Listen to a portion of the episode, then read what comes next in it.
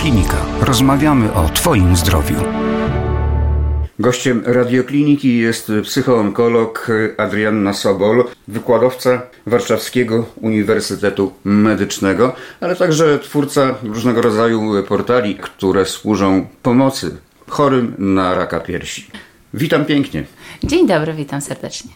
Będziemy rozmawiali o wsparciu bliskich dla kobiet z zaawansowanym rakiem piersi. Pewnie również inne wątki będą się tutaj w naszej rozmowie przewijały. Może zacznijmy od tego, kiedy pacjentka, podejrzewając zmiany, powinna poddać się badaniom profilaktycznym, powinna w ogóle udać się do lekarza. Zacznijmy od tego, że kobiety powinny się badać nie tylko wtedy, kiedy coś ich zaniepokoi. Celem jakby profilaktyki jest, e, no właśnie, regularne mm, badania, między innymi samo badanie piersi co miesiąc, ale także wykonywanie corocznego, nazwijmy to takiego przeglądu, zapisanie się na USG, kobiety po 50 roku życia również powinny zrobić mamografię, tu również do tego trzeba dołożyć badania ginekologiczne i właśnie profilaktyka polega na tym, aby wychwycić chorobę na tak zwanym etapie bezobjawowym, to znaczy wtedy, kiedy absolutnie nic nam nie dolega. A to się uda zrobić, jeżeli nic nam nie dolega? Tak, zdecydowanie. Zdecydowanie. Właśnie to byłoby, bylibyśmy jako medycy najbardziej szczęśliwi, gdyby pacjentka trafiała właśnie na rutynowe przesiewowe badanie i wtedy, jeśli cokolwiek na bardzo wczesnym etapie właśnie wychwyci, też mamy dostęp do coraz bardziej specjalistycznych sprzętów, to jakby dostęp, czy też rodzaj terapii, który jest proponowany pacjentkom, no umówmy się, przekłada się na mniej inwazyjne leczenie, e, ale przede wszystkim na możliwość pełnego wyleczenia kobiety. Niestety, pracując na co dzień w szpitalach onkologicznych, to wygląda to mniej więcej tak, że kobiety przychodzą jednak do lekarzy za późno i z przykrością muszę to stwierdzić, że często przyjeżdżają do nas lekarze z zagranicy, z Europy, aby zobaczyć zaawansowaną postać na przykład czy raka piersi, czy raka szyjki macicy. No skoro jesteśmy przy tym wątku, to zatrzymajmy się przy nim przez e, chwilę. Jak nakłonić kobiety do mm, częstych badań piersi? To jest w ogóle też bardzo ciekawe, że my wciąż chcemy kobiety nakłaniać, a kobiety powinny po prostu to wiedzieć, że badania, ten czas, który sobie po prostu dajemy, to jest absolutnie czas dla nas. To jest trochę coś, co często mówię podczas warsztatów.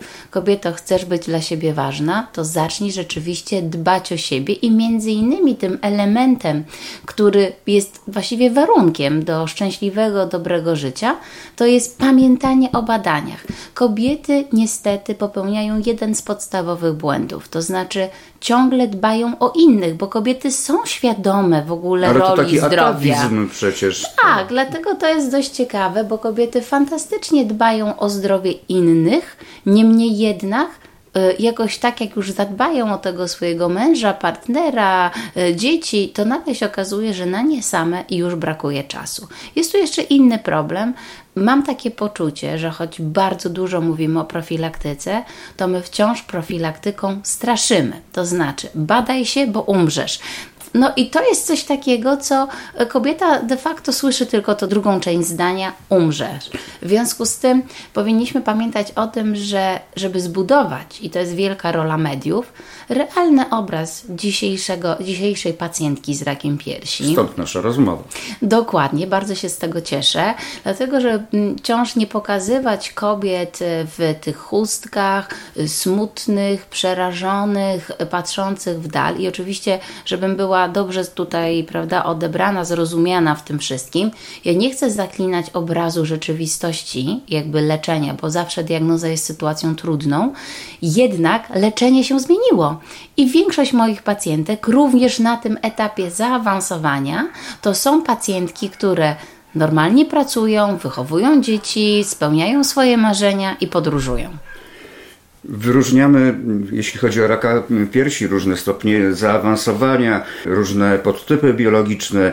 Można by długo mm, rozmawiać o samej e, terapii medycznej, ale to jakby mm, tematyka na zupełnie oddzielny wywiad. My skupmy się na tym wsparciu bliskich dla kobiet z zaawansowanym rakiem piersi. Tutaj chyba pierwszą ostoją jest rodzina. Myślę sobie o tym, że e, po pierwsze, to co Pan wymienił, podtyp raka, stopień zaawansowania, to jest w ogóle coś, to jest też składową generalnie budowania wsparcia.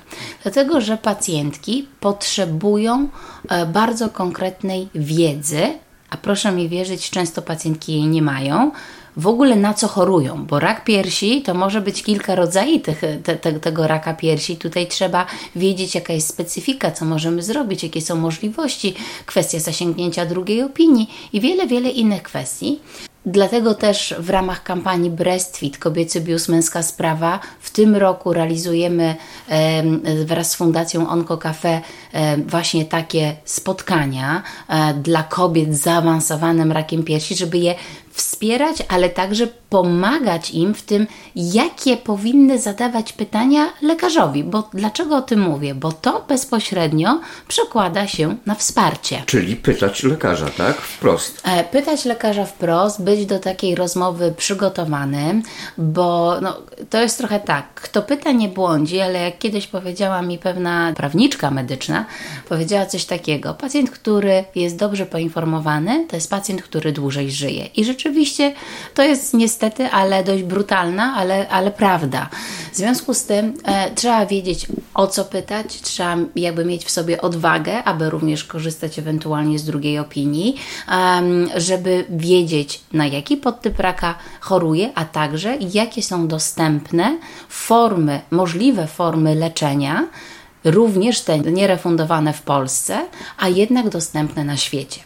I to bardzo płynnie przechodzi do kwestii dotyczącej wsparcia, dlatego że tym wsparciem, mm, no rzeczywiście kobieta z rakiem piersi może mieć bardzo dużo wsparcia, ale też musi się na nie otworzyć i pozwolić sobie ją mm, przyjąć.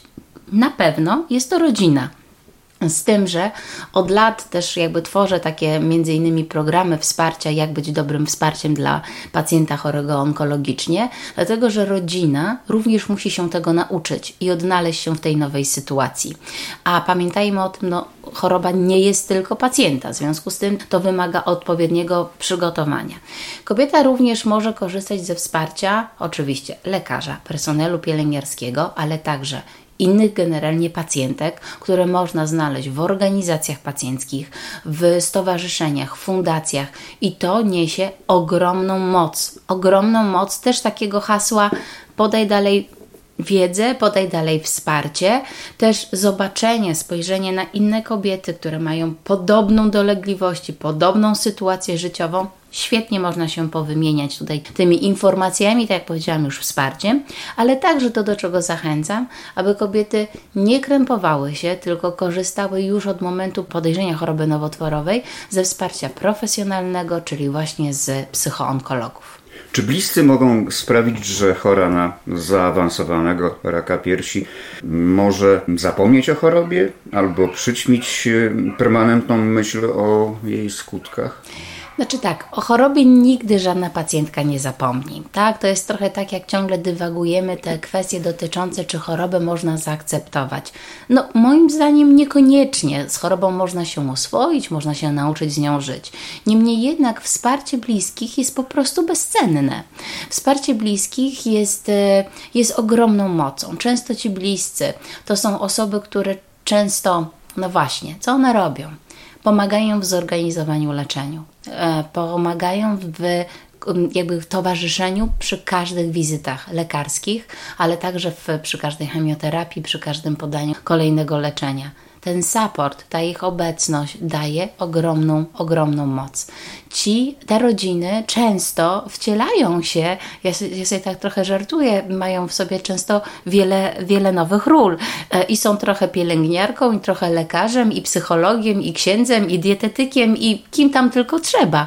Bardzo się angażują, bardzo jakby są pomocni i ich jakby obecność jest rzeczywiście tutaj bezcenna. Muszę tutaj podkreślić, że w momencie, momencie, kiedy mówimy o kobietach z rakiem piersi, a także zaawansowaną tą postacią i jako psychonkolog, który już od lat pracuje na oddziałach, to muszę powiedzieć, że tutaj to wsparcie mężczyzny jest też bardzo ważne. Myślę mężczyzny, męża, partnera, Kobieta w obliczu choroby bardzo obawia się odrzucenia, porzucenia, tego, że nie jest atrakcyjna, że zmiany, które przyniosła choroba, powodują jakiś rodzaj utraty kobiecości. Chociaż ja bym oczywiście, to, ale to już jest taka bardziej rozmowa już terapeutyczna z pacjentką, to wcale to nie tam jest ta kobiecość w piersiach czy, czy jajnikach, ale, ale nie zmienia to faktu, że kobiety mają z tym ogromny problem i wielki strach przed samotnością.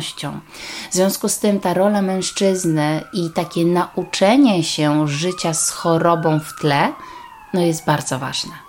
Pewne kwestie w tych działaniach są oczywiste, co się przewija w naszej rozmowie, ta bliskość, okazywanie uczuć, pomoc w zorganizowaniu codziennego życia, ale jak postępować, żeby mówiąc kolokwialnie, nie przedobrzyć?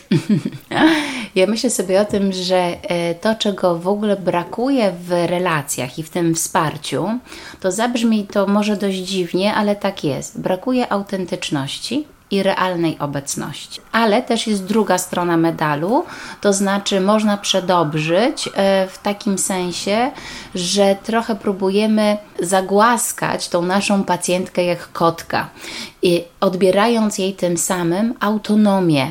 Kobieta, która dotychczas, nie wiem, gotowała, robiła coś, chodziła do pracy, robiła zakupy, no takie wiecie, proste absolutnie czynności. Jeździła I nagle rowerem, tak, i nagle dokładnie, i nagle co by nie tylko za cokolwiek się nie ruszy, to każdy ciągle do niej mówi: nie rób tego, nie rób tego, nie rób tego. I to jest strasznie ograniczające. I oczywiście y, miejmy na uwadze, bo to jest trochę też tak, że to z tej troski naszej wychodzi, odpoczywaj, regeneruj się, a to właśnie w, wbrew pozorom właśnie jest potrzeba jak największego działania pacjentki. Oczywiście to nie może być ponad jej siły, to nie może być wbrew jakby tam zaleceniom lekarskim, ale jeśli kobieta może i ma ochotę ugotować tą swoją ulubioną zupę, to drodzy bliscy, dajcie jej to po prostu, bo to daje na jakby taką namiastkę normalności. Ja zresztą też e, stworzyłam specjalnie taką platformę w trosce o chorego pracownika i zachęcam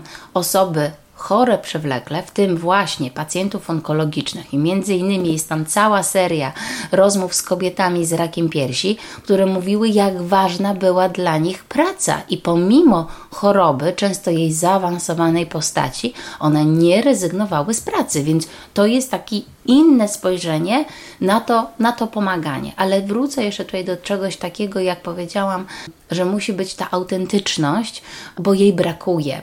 Często jest tak, że rodziny są blisko, świetnie wykonują zadania, ale nie ma bliskości, bo nagle nie ma rozmowy. Ktoś tak się boi rozmawiać o raku, o trudnych sytuacjach, że między tą parą czy też tą rodziną buduje się taki niewidzialny mur. Czyli poprzestają tylko na zadaniowości? Tak. Dokładnie tak. Wykonują zadania, a potem przysłowiowo tak chowają się w swoich dziuplach, schowają się w swoich pokojach i zajmują się innymi tematami, no właśnie, żeby, żeby się nie konfrontować, bo ten strach, bo ten lęk o drugą osobę jest tak duży, że lepiej nie gadać. No właśnie, bo lęk leży po obydwu stronach. Zdecydowanie.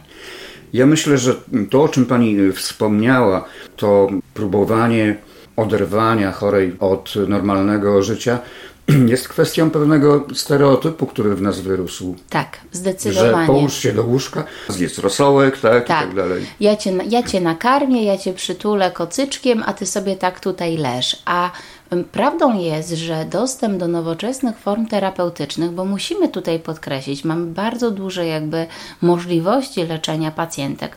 Myślę też o pacjentkach z zaawansowanym rakiem piersi, które pozwalają pacjentkom zachować pełną jakość ich życia, pełną normalność. Czyli podróże, czyli praca. Tak, wszystko. I naprawdę mogłabym tutaj rzucać przykładami pacjentek, które pomimo zaawansowanej postaci choroby, one są tak aktywne, że one myślę, że robią niewiele, myślę, że znacznie więcej niż niejedna zdrowa kobieta. E, I jakby to, mm, to jakby wymaga. Czy to, przepraszam za dygresję, wynika z poczucia takiego póki żyję, to chcę zrobić jak najwięcej?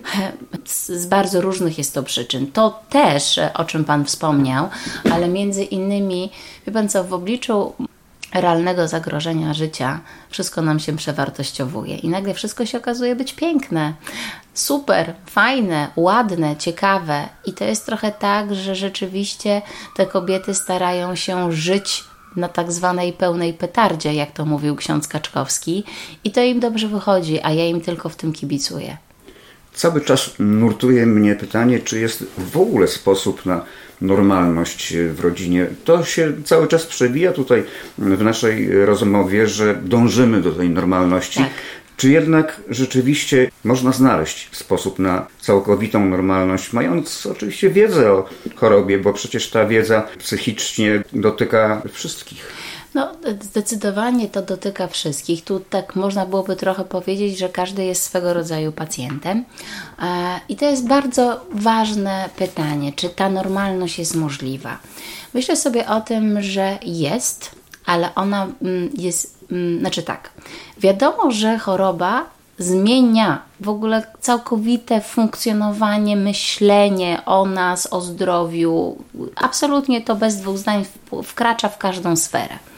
I rzeczywiście to są, jak ja to obserwuję, takie rodziny uszczypnięte przez raka. I teraz tak, te rodziny mogą żyć normalnie i mogą być nawet bardzo szczęśliwe, i nawet niektóre rodziny mogą powiedzieć, że choroba coś im nawet w jakimś kontekście ich funkcjonowania, życia rodzinnego, coś nawet wniosła, choć brzmi to rzeczywiście dziwnie.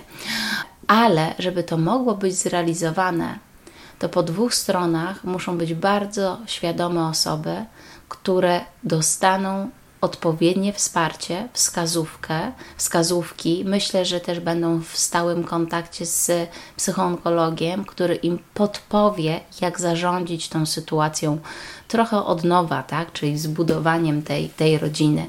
I z praktyki muszę powiedzieć, że jest to bardzo trudne. Wiele rodzin nie wie, jak sobie z tym poradzić, i też wciąż pokutuje taki mit, że jak się jest osobą towarzyszącą, bliską, to ja nie mam prawa do wsparcia. Ja nie powinienem korzystać z pomocy, na przykład psychologicznej, bo to nie wypada, bo przecież to nie ja jestem chory. I to jest błąd, dlatego że to, tak jak już wspomnieliśmy, tutaj pacjentem jest po trochu każdy, i z tego wynikają później pewne niezrozumienie pacjenta, w ogóle brak komunikacji, pogubienie się w oczekiwaniach, nierozmawianie o strachu, nieprzegadanie najtrudniejszych rzeczy, które oczywiście, że też pojawiają po imieniu, się. Tak? No tak, dokładnie. Dokładnie to są też kwestia takich e, między innymi rozmów o, o śmierci, o, o tym, co by było gdyby, a jak mnie nie będzie. I na to niestety, ale większość e, się niestety nie decyduje. Nawet wczoraj miałam fantastyczną rozmowę z pacjentką, która mówi, która jest chora na zaawansowanego raka piersi, ma 16-letnią córkę, męża i ona mówi tak: Jestem w tej chorobie samotna, pomimo że oni obok mnie są, ale żadne z nich nie chce ze mną rozmawiać o rzeczach dla mnie istotnych. Między innymi, ja chcę mieć takie poczucie kontroli i wpływu, a co jak mnie nie będzie, ale nikt nie chce ze mną o tym porozmawiać. Leitmotivem naszej rozmowy jest to wsparcie, wsparcie głównie najbliższych, głównie rodziny, e, partnerów, ale Odwróćmy sytuację, bo takie jest życie. Bliscy opuszczają chorą w sensie nawet w rozumieniu dosłownym. Mhm. Co wtedy? No to są rzeczywiście bardzo trudne sytuacje, ogromnie trudne sytuacje. Jednak jeśli mm, jest jakaś kobieta, która teraz nas słucha i jest właśnie w takiej sytuacji, która została opuszczona, odrzucona, no to cóż, to musi pamiętać o tym, że tak naprawdę cały czas nie jest sama. tylko im, jej nowym wsparciem to jest trochę tak, że zostanie to nowe wsparcie wzbudowane. I taka kobieta przede wszystkim powinna pamiętać, aby skorzystać z konsultacji psychoonkologicznej, którą może dostać na oddziale onkologii po to, żeby jak najszybciej zgłosiła się do najbliższej organizacji pacjenckiej.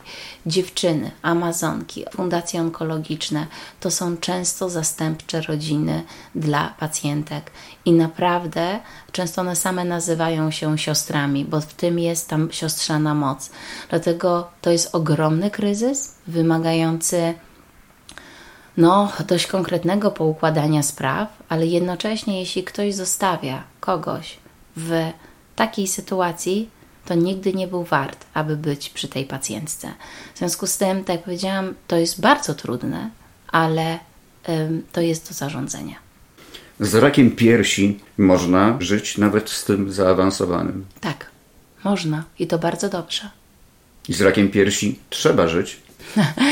Ja myślę, że trzeba zacząć traktować to, ją jako chorobę raka piersi, w szczególności raka zaawansowanego piersi, trzeba traktować jako chorobę przewlekłą.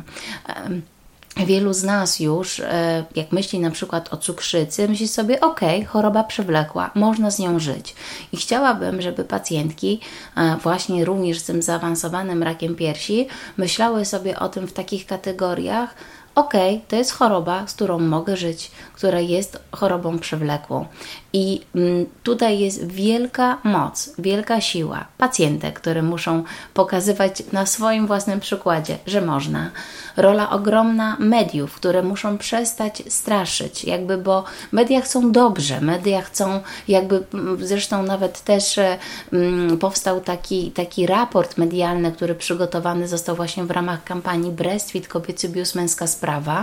I, I tam w tym raporcie wyszło, że tych w ogóle ilość artykułów na temat raka piersi jest bardzo, bardzo duża. To jest fantastyczne, bo to okazuje, że, bo to pokazuje, że tak naprawdę gdzieś ten temat wyszedł z tej sfery tabu.